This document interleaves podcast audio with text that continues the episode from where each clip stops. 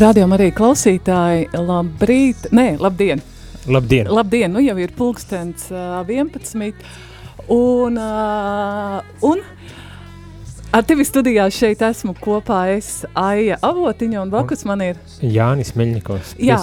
Jānis Meļņikovs. Jā, un mēs uh, nebūsim uh, vieni šajā stundā. Nu, Man gribās teikt, nepilnā stundā, jo pulkstens 12. mums jau no Radio Marijas kapelas tiks svinēta svētā mise.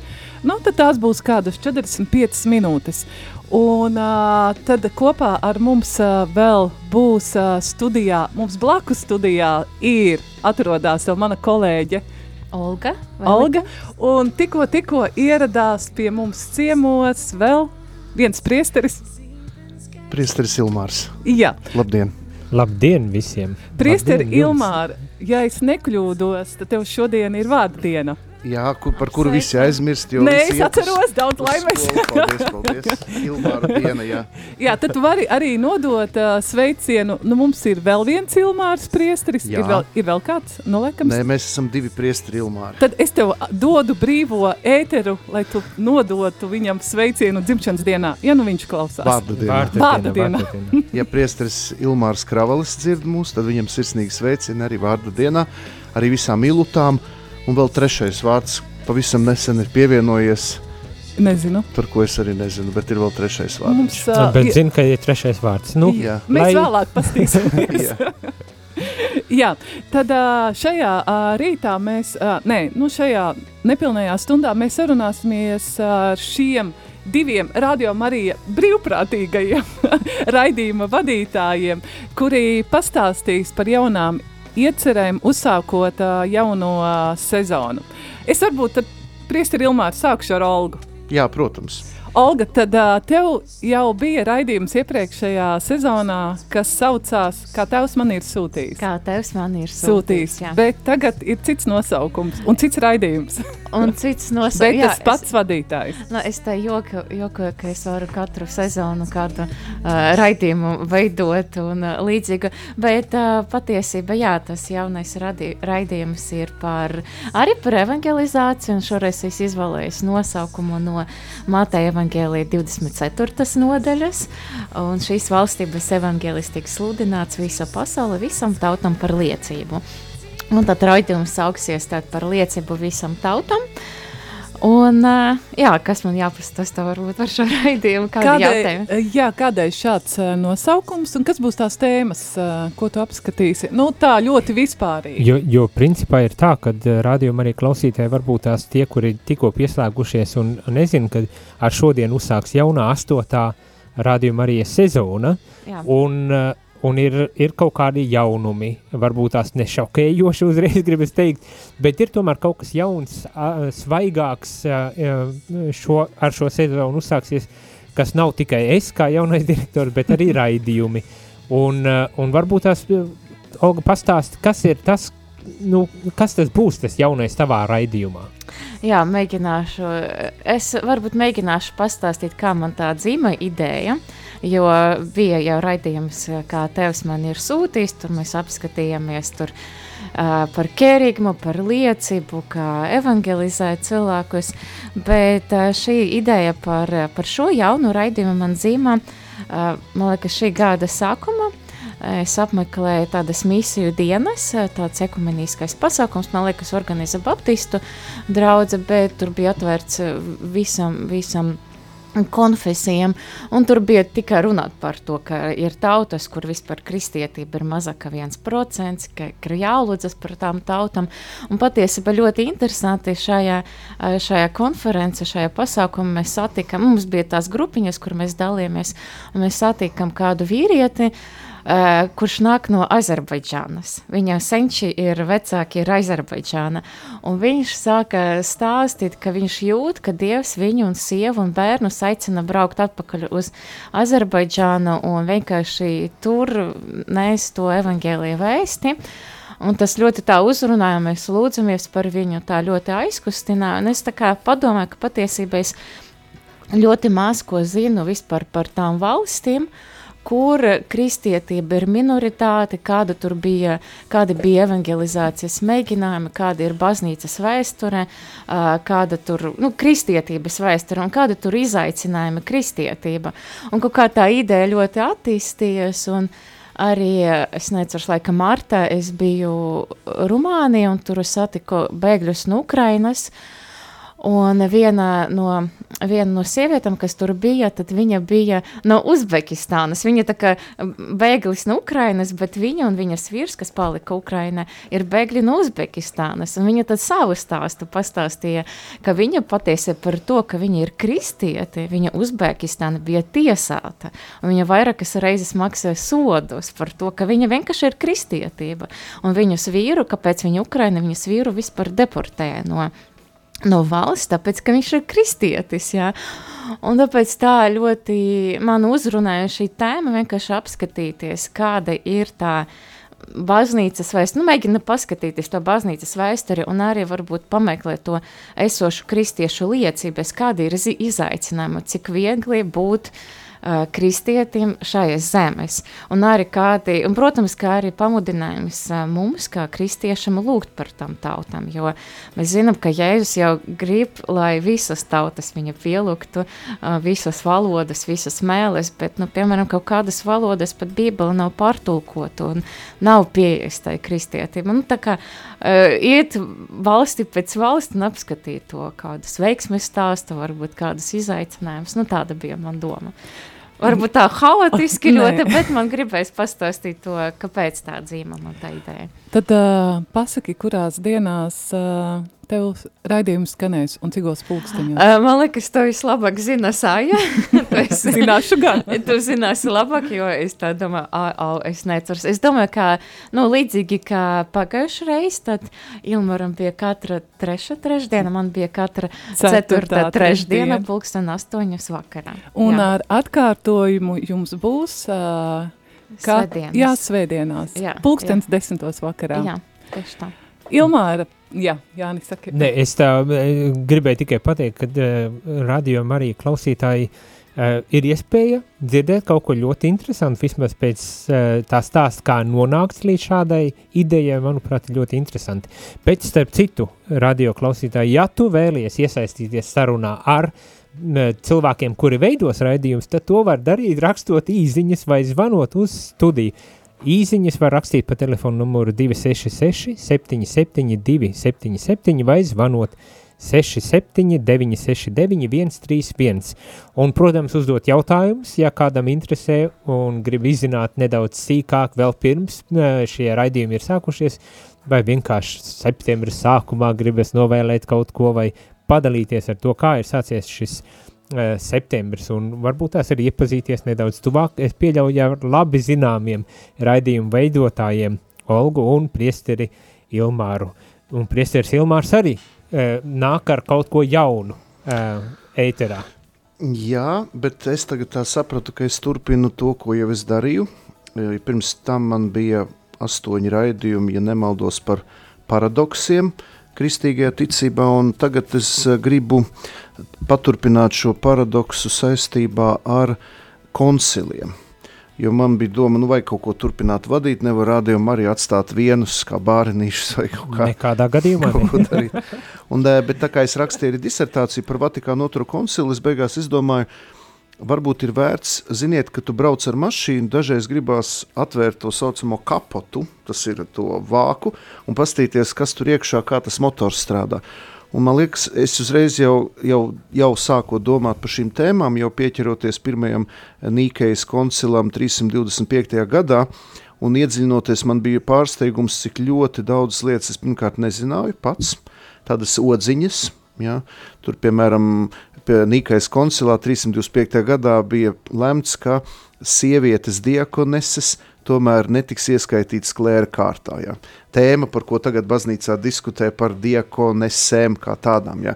Un man šķiet acis liels, ka tas jau 325. gadā ir izsnāts. 4. Ja. gadsimtā. Jā, tā tad, eh, nu, būs, un interesanti, ka mēs, var teikt, redzēsim, kā tas katehizms tapa, kā tapa mūsu baznīcas mācība. Nu, nevis viņa radās, bet kā viņa tika atklāta, studējot svētos rakstus, sekojot tradīcijai, tāds ļoti nu, skaists, kaut kas ļoti īpašs, neviegls, tēmas nav, nav vienkāršas, bet priekš manis tas ir nu, liels atklājums, un es to raidījumu sev vadu. jo man jau paliks, ja, ja kādam vēl, kurš klausīsies to, tas jau būs unikāli, ja, bet man tas ir pārsteigums, cik tomēr lielas, daudzas bagātības mēs nezinām, tas, nu, tās, tās zināšanas, tā informācija var palīdzēt mums labāk saprast, kāpēc baznīca māca tieši tā, no kurienes tas ir cēlies, kādi tur bija strīdi, kādi konflikti, kā viņi tika risināti. Ja. Tad uh, tas būs patiesībā tāds smaga svara raidījums. Nē, tas būs jautrs raidījums. Piemēram, es uh, vienmēr uzreiz skatos, es uzreiz Google mapas map, kartē atradu Turcijā, kur atrodas šī pilsēta, un es beigās atradu, ka Nīkais koncils notika ķeizara, tātad Konstantīna vasaras pilī, kuras drupas tagad Turcijas valdība diemžēl pienācīgi neaprūpē. Un es skatos Google maps kartē, ir komentāri pie šīm drupām, kad beidzot Turcijas valdība ķersies klāt šim arhitektūras piemineklim. Un es domāju, ārpēc kā man gribās uz turieni aizbraukt. Nu, es, ne, es nedomāju, ka es tikai lasīšu savus tekstu, bet es mēģināšu iedot tādas odziņas, piemēram, kā uh, koncila tēva biskups savā starpā tur strīdējās, kāds bija konteksts, varbūt vēsturisko situāciju, kas bija tajā laikā.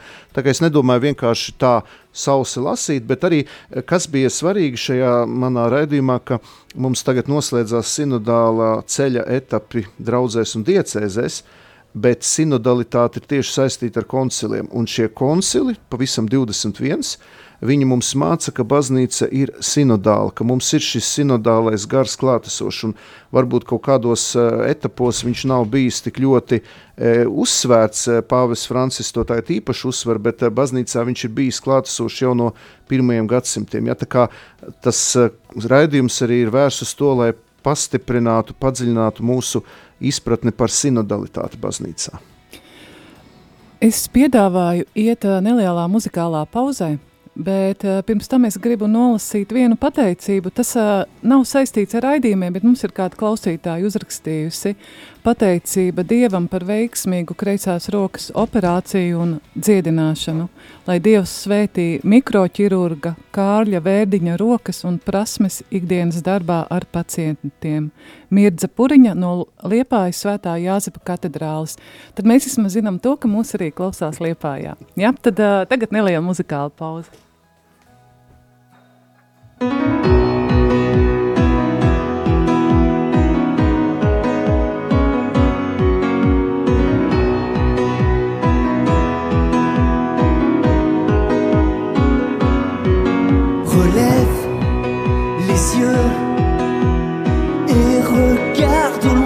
Voici venir celui qui vient donner aux captifs la liberté pour rebâtir tes murs brisés. Au loin se lève toute une armée. Nous voici Jérusalem.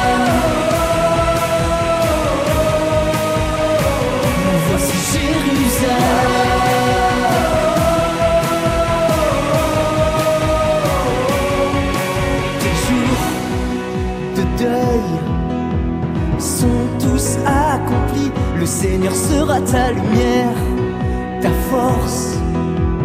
On t'appellera ville du Seigneur, terre promise, cité de Dieu en Israël. Nous voici Jérusalem.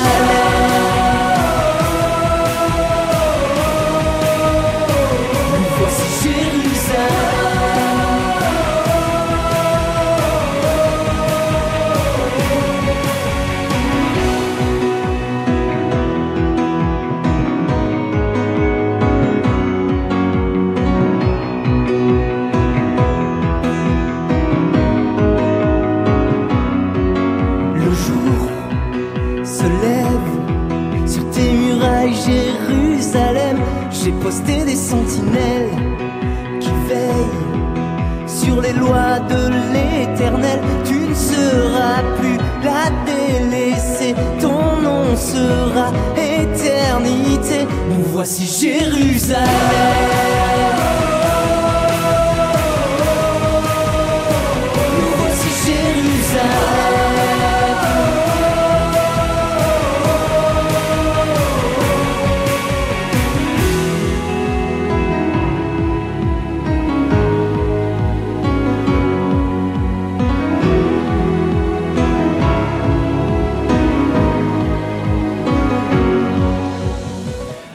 Radio arī klausītāji, mēs esam atpakaļ studijā un uh, kopā ar tevi šeit esmu Esaija. Un Un, priesteris Jānis, bet Un- ne tikai. Bet ne tikai ir Olga Velika.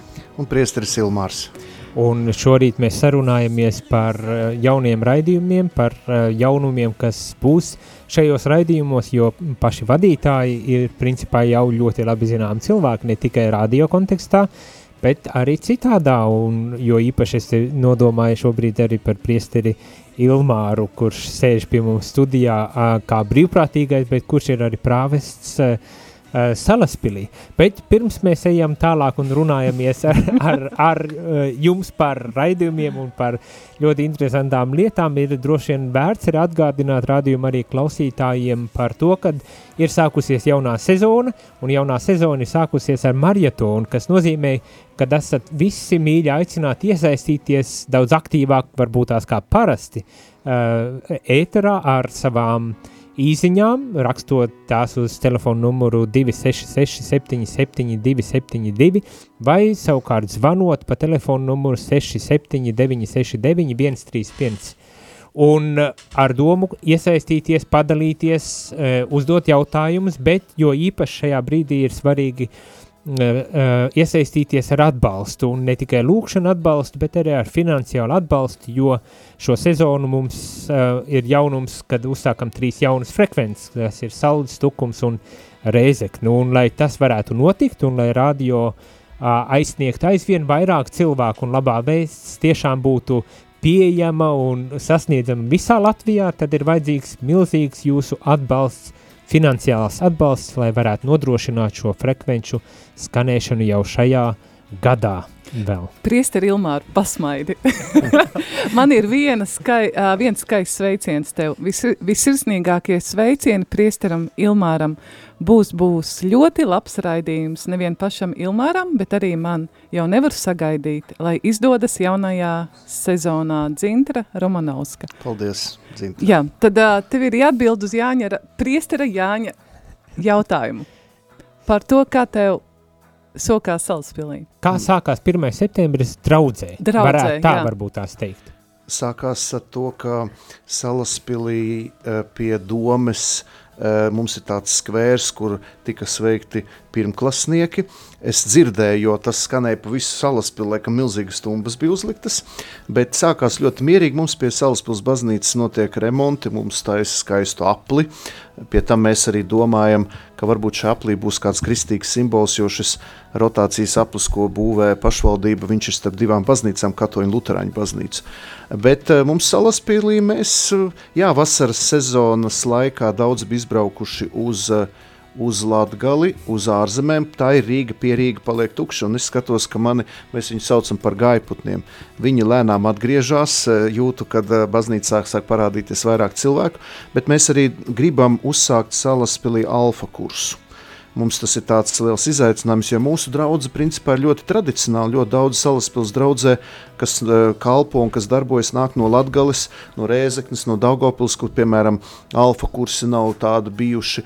Un uh, mums ir liels izaicinājums tiem cilvēkiem, kas iebrauc no, piemēram, Latvijas no tradicionālām draudzēm un sāk dzīvot salaspēlī un iet uz mūsu baznīcu, eh, spēt eh, viņiem par, parādīt, ka kristīgā ticība, katoļu ticība, tā var būt arī tāda nu, dinamiskāka, radošāka. Mums šogad arī svētceļumā bija diezgan daudz, ap 90 cilvēkiem, bija daudz bērnu. Tad mūsu draugs arī mācās atvērties. Mācās turēt durvis vaļā, kas mums arī bija liels izaicinājums. Mēs mēģinām to ticības dāvanu, to baznīcas tādu spērles neturēt sevi, bet atvērt durvis. Uh, mēģināsim sarīkot alfa kursu, mēģināsim uh, kādas lūkšanu grupas. Nu, tas nav viegli, jo, es saku vēlreiz, uh, bieži vien mūsu tās lielās draudzes, Rīgas un Pierīgas draudzes, viņi kā tādi lieli, negribu lietot vārdu milži, bet tādi nu, smaganēji organismi. Bet uh, mums, uh, paldies Dievam, ir ļoti daudz atsaucīgi cilvēki, arī Dzintra, kur man sveic, arī daudz citi, kur ļoti daudz palīdz iesaistās, un tas man rada prieku, ka es neesmu viens, mums arī ir baznīcai lieli remonti, mums ir jāmaina jumts, tam vajadzīgi 300-400 tūkstoši, tāpat kā rādījumam arī vajadzīgi līdzekļi arī mums, bet es gribu cilvēkus arī iedrošināt, nebaidīties ziedot, jo to naudu, ko mēs noziedojam baznīcai vai radio vai kādam citam evanģelizācijas projektam, tas pēc tam nāk ar uzviju atpakaļ. To ir uh, liecinājuši ļoti daudz cilvēku, un Dievs nekad mūs neatstās vienus. vienus. Tā kā šī solidaritāte arī finansu ziņā ļoti, ļoti svarīga. Lai nedomājam, ka visu izdarīs tikai pats arhibīskaps vai tie garīdznieki, vai gan jau kāds no Vatikāna kaut ko atsūtīs, ja? vai, vai tur Vatikānā gan jau pagrabos ir zelta stieņi, ja, kā es esmu dzirdējis, ja? gan jau ka vācieši palīdzēs, jo dažreiz arī cilvēki domā, nu jā, mums ir eh, Bonifācijus, Verka Renovabis vai Kirhenoti, jā, tie ir fondi, bet tas nenozīmē, ka mēs varam tikai teikt, ka visi mums palīdzēs, un mēs neko tā kā gribētu iedrošinot eh, tos eh, mums iesaistīties, jo caur to mēs arī bagātinam sevi un tādā veidā veidojas šī solidaritāte mūsu starpā. Starp citu, runājot par tiem vācu fondiem, tad klausītājiem arī varbūt tās ir vērts dzirdēt, ka šie vācu fondi principā iegūst līdzekļus no ziedojumiem. Jā. Tādi paši cilvēki kā jūs šobrīd esat aicināti atbalstīt Radio Mariju, uh, un daudz citi iesaistās ziedo, lai uh, varētu kaut kā labā veidā kalpot cilvēkiem. Mums ir pateicība Dievam uh, ļoti daudz saņemta palīdzība tieši no šādiem fondiem, no ziedotājiem Vācijā, kas uh, atļauj mums īstenot daudzas lietas. Bet, e, pārslēdzoties, varbūt tās tālāk ejot un pārslēdzoties uz Olgu. Olga Es arī gribēju jā. piebildīt, ka, ko, ka Zintra Romanovska ar mums gāja pagājušajā gadā sveceļojumā arī, tā kā mēs viņu arī pazīstam, jā, tā kā sveiciens Zintra. es tev. saprotu, Mēs kurš cilvēks atceramies. tas ir. Paldies, Zinka. Uh, bet, uh, Jāni, man tāds tīri tāds prozaisks uh, jautājums pa priekš priesterim Ilmāram un pēc tam Olgai. Kā, ar ko jums saistās, uh, kādas jums bija izjūtas 1. septembrī, kad jūs gājāt uz skolu pēc vasaras brīvlaika? Mm, Jā, es- atceraties. Tas, bija sen, tas bija sen. bet vienmēr man problēma, ka man vārdu dienu neatcerās, tā kā man ir tāds Tāpat ievainojums. kā tiem, kuriem ir Ziemassvētku. Jā, bet uh, man bija, es atceros, ka man viennozīmīgi bija palicis garlaicīgi mājās, un laikam te, es arī esmu tas, kurš piekrītu, ka vajadzētu vasaras brīvlaiku samazināt, lai atslogotu bērnu mācības gada gaitā, jo man tā šķita, ka tie trīs mēneši bija tik gari, un es biju tā noilgojies pēc saviem klases biedriem, pēc uh, jaunām zināšanām, tā, ja man tagad jā, jātina tā, tā filma atpakaļ, kā tas bija, tad es tās sajūtas atceros, ka jā, es gribu skolu. Protams, maijā es gribēju kaut ātrāk tā skola beidzās, bet sep septembrī es atceros, ka jā, man gribējās satikties un, un tas, lai tas process notiek. Paldies tev, paldies tev, ka tu atnāci, ka tu atradi laiku būt pie mums.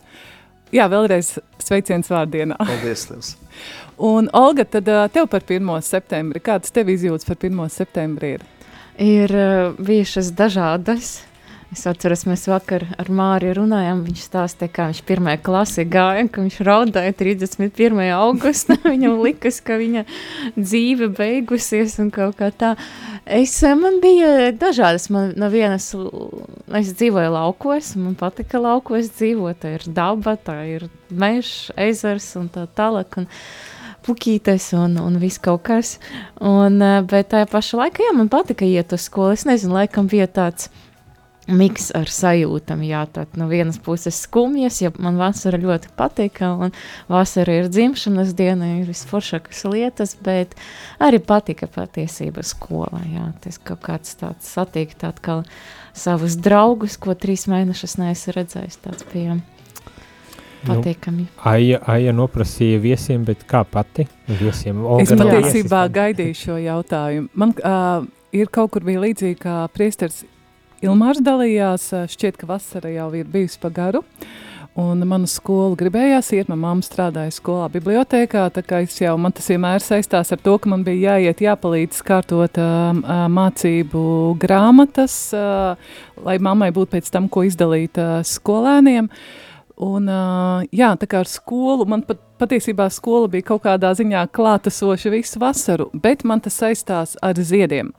Un, jo es zinu, kad es gāju pa dārziem, es plūcu asteras un taisīju, gribēju uztaisīt pēc iespējas skaistāku pušķus savam klases audzinātājam. Jā, man to es atceros, un patiesībā es jau biju pietiekami liela, jau mācījos jau no vidusskolā, bet tā ir tā mana sajūta. Protams, par to, ko vilkt mugurā. Jā, Kādus auskarus likt ausī, jā. jā, kad satiksi to un to cilvēku, jā. Mēs eh, tagad eh, Jānim vajadzētu Jā, pastāstīt. Konjants jau dalījās. Es kaut ko dalījos, bet uh, Uh, grūti atcerēties. Principā es domāju, man nepatika skola. Uh, nu, tādā ziņā, vai šausmas mācīšanās, un tu matemātiku, un ko tur vēl vajadzēja. Es domāju, šausmas, kaut tas ātrāk beigtos. Principā tāda mana tā attieksme bija. Lai gan tagad, kad tā klausos, es domāju, jā, nē, nu 1. septembris vai, vai ap 1. septembri, principā bija tāda sajūta, varētu kaut kur aiziet arī uz skolu un tā tālāk. Uh, lai gan pamatā nepatika. Man tikai vēlāk iesa, ie, iesāka patikties mācīšanās process un viss tas pārējais, bet tas jau bija ar augstskolu saistīts vairāk ne ar, ar skolu. Vidusskolā principā arī nebija tik traki. Bet šorīt braucot uz radio, es uh, redzēju dažus bērnus nākam ar puķiem un padomāju, vai cik skaisti un romantiski tā, ka nu nāk ar puķiem, uh, savam moku, mocītājiem dāvināšu puķis, un šeit, es domāju, skolotāji, jo tā bija mana tāda uh, nostāja, kad es gāju skolā, bet tur bija, tas, tas bija skaisti, skaisti bija redzēt bērnu šorīt nākam uz, uh, uz skolu. Jā, te mūsu pieminētajā Vācijā mēs te runājām par palīdzības fondiem. Es zinu, ka Vācijā vismaz bijušajā demokrātiskajā republikā bija tāda tradīcija pirmklasniekiem dāvināt lielas saldumtūtas. 1. septembrī. Man tā liekas, tāda skaista tradīcija. Nu, nezinu, vai tas, lai visas uh, sirdsāpes noņemtu, bet uh, Skaisti. Visas ir saps, tas nespējas noņemt. Olga, tad uh, mums ir vēl uh, nedaudz uh, laika, apmēram kādas uh, desmit minūtes. Vai tu vari pastāstīt par, nu, nedaudz ieskatēt, ieskicēt savus pirmos raidījumus? Uh, jā. Vismaz pirmos divus, septembris un oktobris. Ak, vai, ak, vai, ak, vai. jā, nu, es biju domājis, ka būs kādas rubrikas vai kā, bet uh, es tas vēl procesējies, tas notiek, bet mani pirmie raidījumi es varētu pateikt, par ko būs. Pirmie raidījumi es biju domājusi, kā taisīt par tādam tāliem zemēm, ka nu, mēs tur, tur tūlīt pat bijām Vācijā, bet mēs dodamies tagad uz to Japānu un Koreju. Ja? Un tad šos raidījumus uztaisīt par šīm valstīm. Un kāpēc es gribēju taisīt raidījumu par šīm valstīm? Tāpēc, kad es uh, skatījos dokumentālas filmas, nu, kad es gatavojos par kuram valstīm gribētu taisīt šos raidījumus par kristietību, tā es, kas mani pārsteidza, jā, ja es runāju par Dienvidkoreju un par Japānu, jā, ka, piemēram, Dienvidkoreja ir katrs trešais cilvēks ir kristietis. Dienvidkoreja, kas ir ļoti liekas, nu, neticami, kā tāda tāla valsti var aizsniegt kristietību un tik veiksmīgi tiešām. Un pat vairāk, ka uh, visdrīzāk, ja tu kādam paprasīsi, vai viņš ir ticīgs, vai viņš ir praktizējošs, tad viņš teiks jā, un tas būs kristietis, jo patiesībā no Dienvidkorejā varbūt, nu, viņam ir vēl uh, budismu un uh, konfucianisms, jā, nu, bet viņam tās vairāk, kā, nu, kaut gan es domāju, ir var atšķirties, jā, bet vairāk tā kā, vairāk kā filozofija, ne tik ļoti viņi ir nodevušies ticībai tā, nu, es domāju par, par budismu, par visu pārēju, bet ja tu paprasīsi kādam korejietam, ka viņš ir, vai viņš ir ticīgs, vai viņš ir praktizējuši, viņš teiks jā, un tad tas būs visdrīz kristietis, jā. Savukārt Japāna ir ļoti maz kristiešu. Ļoti, ļoti maz. Es neatceros precīzi, tagad negribu melot. Un mani pārsteidza, ka tik divas, kaut gan tur arī ir kristietības vēsture un bijušie misionāri, uh, Un tā tālāk, un mani pārsteidza patiesībā, kāpēc tā ir, ka pat Dienvidkoreja patiesībā sūta savus misionārus uz Japānu. Jā, tik veiksmīgi tur tā kristietība iesakņojas. Nu, protams, tā ka tikai trešdaļa, tur 30 ar ko, kaut ko tur procenti. Tāpēc es gribēju kā, iedziļināties jā, šajā jautājumā, apskatīties tos vēsturiskus apstākļus, kāpēc tā notika un kā izdzīvo mūsdienas Koreja to kristietību un kā izdzīvo savu kristietību Japāna un kāpēc tik maz to cilvēku. Jo, piemēram, nu, Japāna ir bijusi visādi, jo, piemēram, Japāna ir diezgan liela pretestība pret kristietību un tie kāpēc. Jā, piemēram, viens no iemesliem ir tāds, ka Japāna 20. gadsimta bija vairāki reliģiski kulti, tādi, piemēram, varbūt ir dzirdēt pats par Aumsam Rikyo, jā, kuri uztaisīja teroraktus Japānas metro, Tokio metro, un līdz ar to viņam tāds uzreiz skepse tāda īsti pret kaut kādam relīkiem, vai arī, lai pievienotos beidzot draudze, varbūt kāds izrāda no Japānas interesi par kādu kristietību, kristīgo draudzi, tad viņi iet gadiem uz to draudzi, tur 5, 10 gadi, un beidzot viņi saka, labi, es pievienošos, es nokristīšos, jā. Man liekas tā ļoti interesanti, un savukārt, jā, protams, tur arī vairāki faktori, un Japānē arī bijuši savi svēti, un arī pirms kāda laika pavests arī, uh, Ja es nemanāšu, nē, pavastā apmeklēju Koreju par Japānu. Nezinu, jau neatceros, vajag papētīt. Bet, jā, bet Koreja savukārt bija ļoti interesanti, ka arī 20. gadsimta sākuma Pjenjāna, kura tagad ir Ziemeļkoreja, bija ļoti liela atmoda. Tur bija ļoti daudz kristiešu, un tagad mēs skatāmies uz Pjenjānu, un kaut kas pavisam citāds tur notiek. Tur ir ateisms, tur ir tā diktatūra, jā, bet patiesība tur bija ļoti liela sapulce sapulces liela skaita kristīgas, un vairāki tūkstoši viņi sanāca kopā. Nu, es kaut kur dzirdēju, es neatceros, vai tā ir precīza informācija, ka, ka pēc, nu, ka 20. gada 20. gadsimta sākuma, ka pat uh, Ziemeļkoreja, ka uh, katrs sestais bija kā, kristietis, ja, un kad nāca tā diktatūra, tad daudzi kristieši bija spiesti emigrēt uz, uz, uz Dienvidkoreju. Nu, tā ļoti interesanta vēsture. Nu, tas ir tas divas valstis. Nu, varbūt treša valsts, ka Ziemeļkoreja apskatīties ar šo tēmu. Jā. Man šķiet, ka būs ļoti interesanti. Man, man liekas, tas, ka, ko Ilmars pateica par to, ka viņš to taisa raidījumu priekš sevis, jā. es arī priekš sevis to taisu raidījumu, jo patiesība ļoti interesanti, jā. ļoti interesanti paskatīties un uh, Uh, vēl viens tāds fakts, varbūt arī tāds, uh, varu pastāstīt par Koreju, ka pirmie katoļi, misionāri, kas bija Koreja, kuri tie bija, Aja, var uzminēt? À, nu, jezuīti. Ja? Nē, tie bija. Ne, es nezinu, vai viņi à, bija nu, jezuīti. Ordin, bet kā? Pēc nu, kuras tautas? Pirmie katoļi, kas bija Korejā? Ko, jā, kas bija Korejā, evangelizē. Nu, ne jau latvieši. Ne jau latvieši, bet tie bija ķīnieši. Hmm.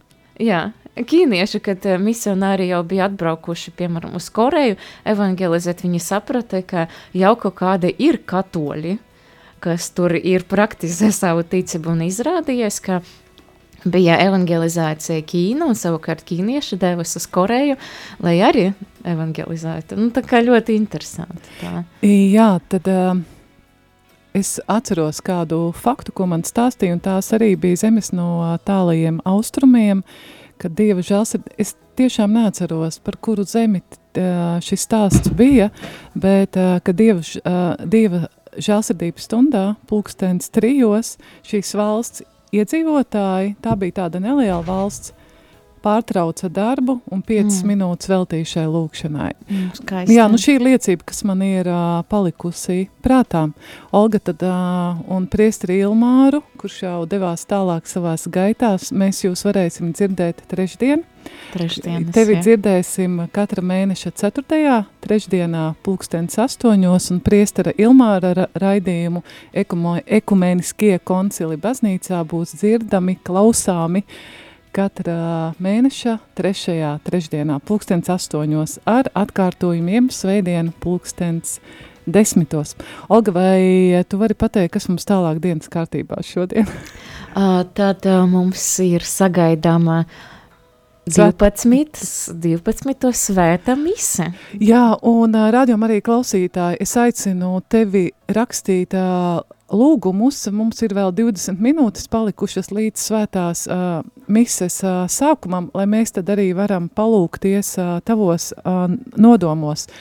Šeit bija uh, viens jautājums par frekvencēm, tad uh, mēs šo jautājumu pāradresēsim pulkstens uh, vienos Līvai un Jēkabam, kuri tad būs ēterā pēc uh, svētās mises un uh, pulkstens uh, divos tu uh, varēsi radio ēterā būt kopā ar mums, ar Radio Marijas uh, komandu, un pie mums šeit viesos būs priesteris Pēteris Skudra, tā kā vari jau rakstīt un arī uzdot jautājumus, vai arī vari piezanīt. Tā, šāda iespēja uzdot jautājumus mēs jau jums nodrošinājām Aglonā, un jūs to varējāt skatīties uh, Facebookā sarunu starp jauno un iepriekšējo direktoru, bet tagad tev ir iespēja Uzdot jautājumu, kas varbūt nebija uzdots. dots. Bet mēs arī uzdosim kādu jautājumu. Protams, jā, bet arī kādu, kādus vēlējumus jaunajam direktoram, Direktoram. vecajam direktoram. Un noteikti arī kādus vēlējumus raidījuma vadītājiem, jo viņi arī ir mums šeit brīvprātīgie, un man ir milzīga pateicība par to laiku, ko viņa velta, lai šo raidījumu sagatavotu, vai tas ir katru nedēļu vai reizi mēnesī vai divreiz mēnesī šis raidījums izskan, tas tiešām arī paņem laiku un aicinu arī uz tavu aktīvu iesaistīšanos. Ja priesteris Ilmārs vēl klausās, braucot mašīnā radio Marija, tad uh, ir kāds apsveikums.